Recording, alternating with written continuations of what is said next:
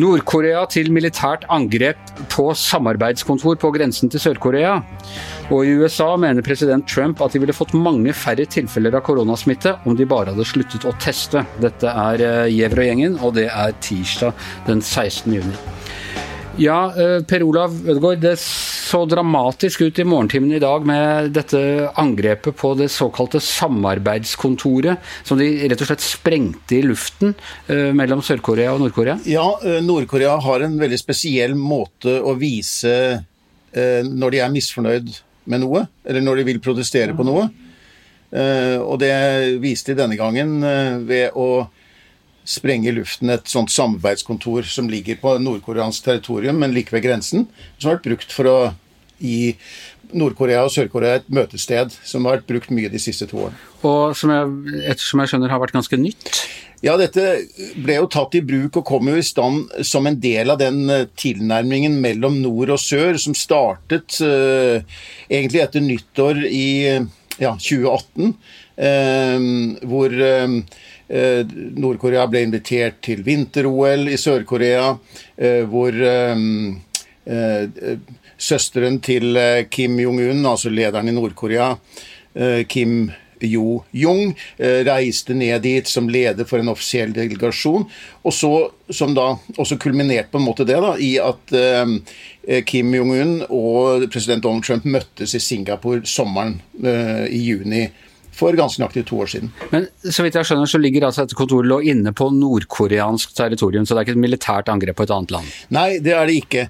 Det er bare en veldig sterk sånn symbolsk handling på at det nå sier Nord-Korea tydelig og klart at vi ser ingen hensikt i å fortsette å late som om vi har forhandlinger eller at det er noe framgang i den forbindelsen vi har. De er misfornøyde med Sør-Korea, som de mener ikke spiller den rollen.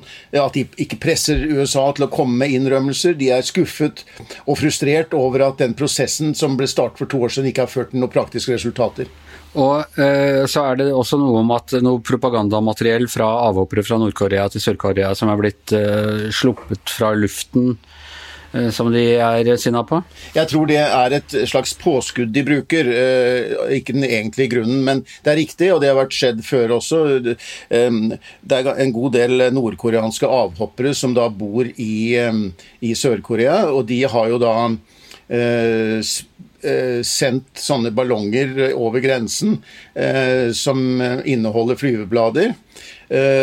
og på de flyvebladene så så står det jo en versjon av hva som skjer i Korea Nord-Korea som ikke er i tråd med det som mildt sagt, som er i tråd med det som er nordkoreanske offisielle linjen. Og Nord-Korea er jo et De forsøker jo å være et ganske hermetisk stengt land, hvor all informasjon skal eh, være styrt fra myndighetene.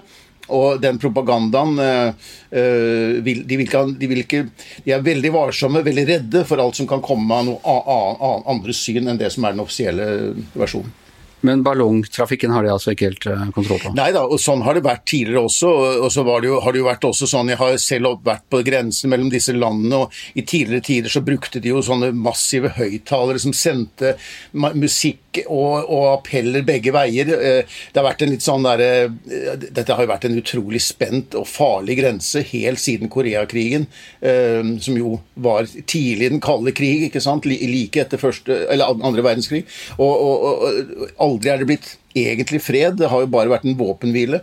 Og Det har i perioder vært spent på denne grensen. Og nå har det vært en periode Vi har gått gjennom to år nå hvor det har vært avspenning, hvor det har vært håp om at man skulle komme til en, uh, i gang med virkelig meningsfulle forhandlinger og kanskje få avsluttet denne konf konflikten.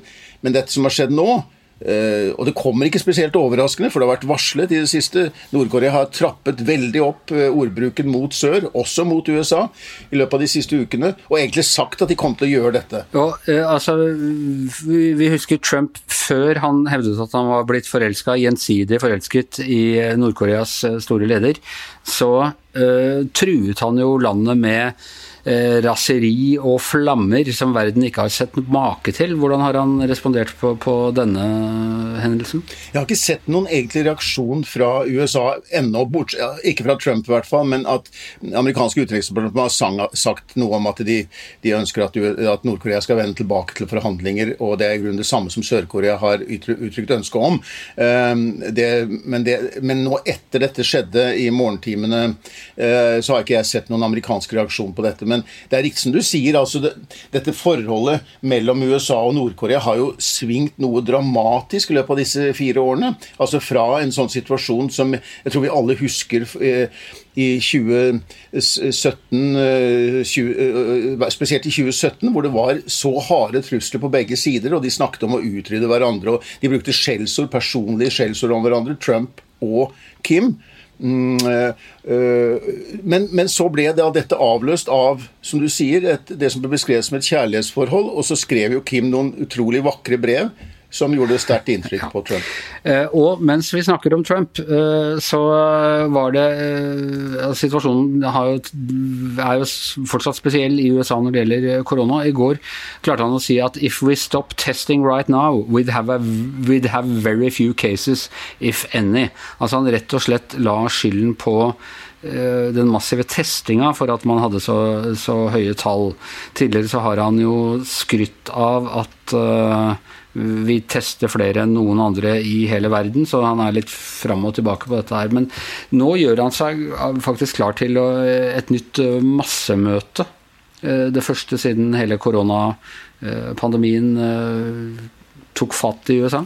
Ja, det skal finne sted i Tulsa i Oklahoma nå til helgen. Det er jo ikke til nå er jo det, det, første store folkemøtet, da, egentlig etter at, eh, eller på over 100 dager etter at eh, eh, koronapandemien gjorde det umulig å ha så store møter.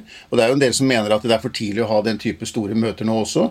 Man snakker om å pakke 19 000-20 000 mennesker sammen i en innendørs i en hall i et område av USA hvor de eh, ikke har vært så hardt rammet av korona til nå, men hvor eh, smittetallene i det siste har gått ganske mye opp. Så sist fredag, siste dag jeg så tall for, så var det 222 nye tilfeller i Oklahoma. Og mer enn flere enn 70 av disse var i den byen de nå skal da i Tulsa, hvor de skal møtes.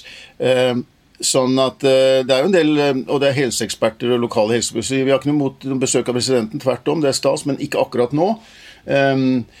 Men grunnen til at det legges der, er jo også fordi at dette er jo virkelig en rød stat, som de sier i USA. En, en stat hvor republikanerne gjør det veldig godt, og hvor, hvor, eh, Trump vant i et valgskred for uh, snart fire år siden.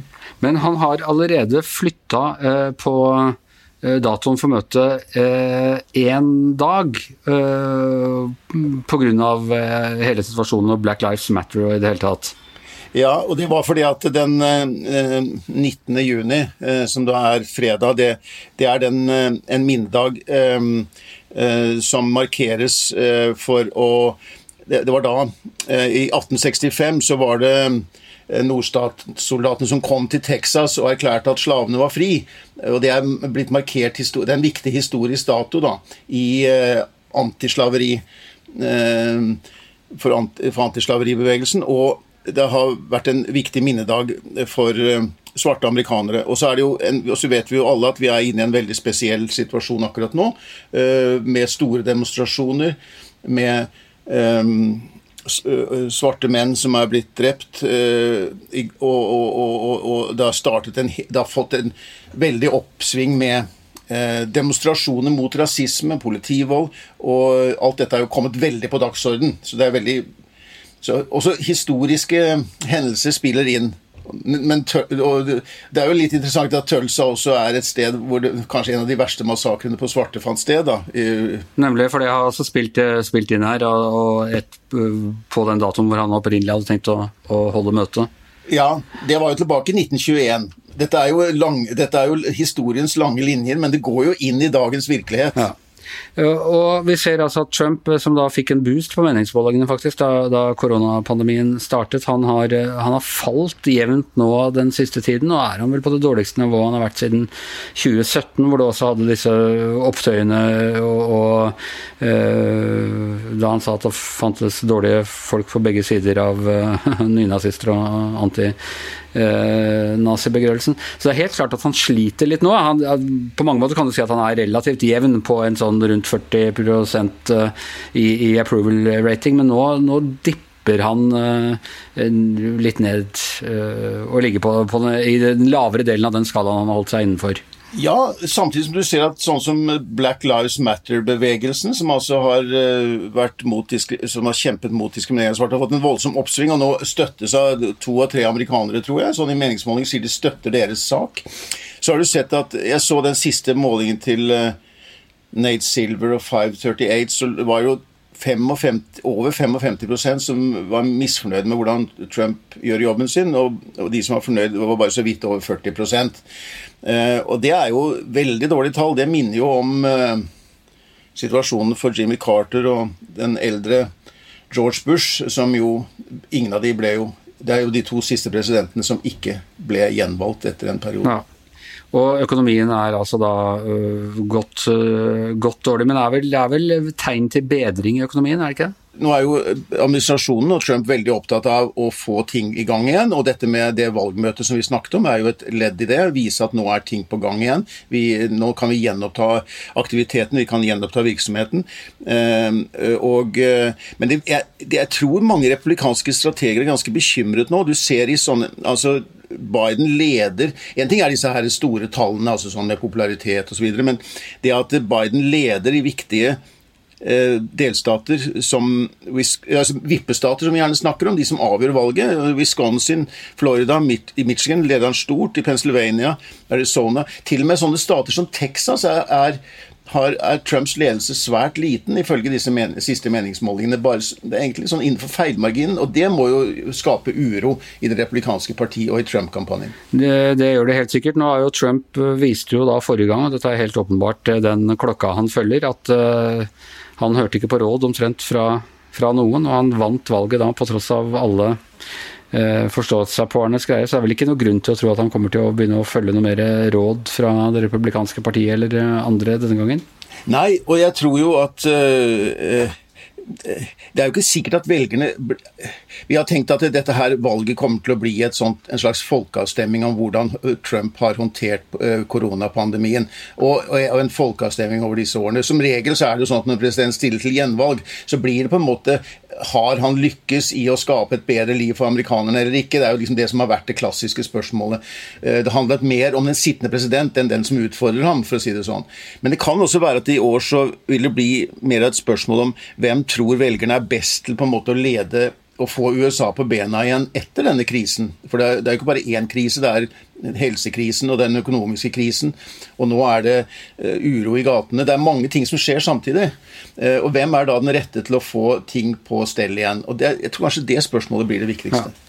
Det skal bli veldig spennende å se, og vi kommer til å følge tett med her i eh, Giæver og gjengen. Men vi er ferdige for i dag. I hvert sitt hjemmestudio, Per Olav Ødegaard, eh, Anders eh, Giæver og vår store leder og oppadgående sol og produsent heter Magne Antonsen.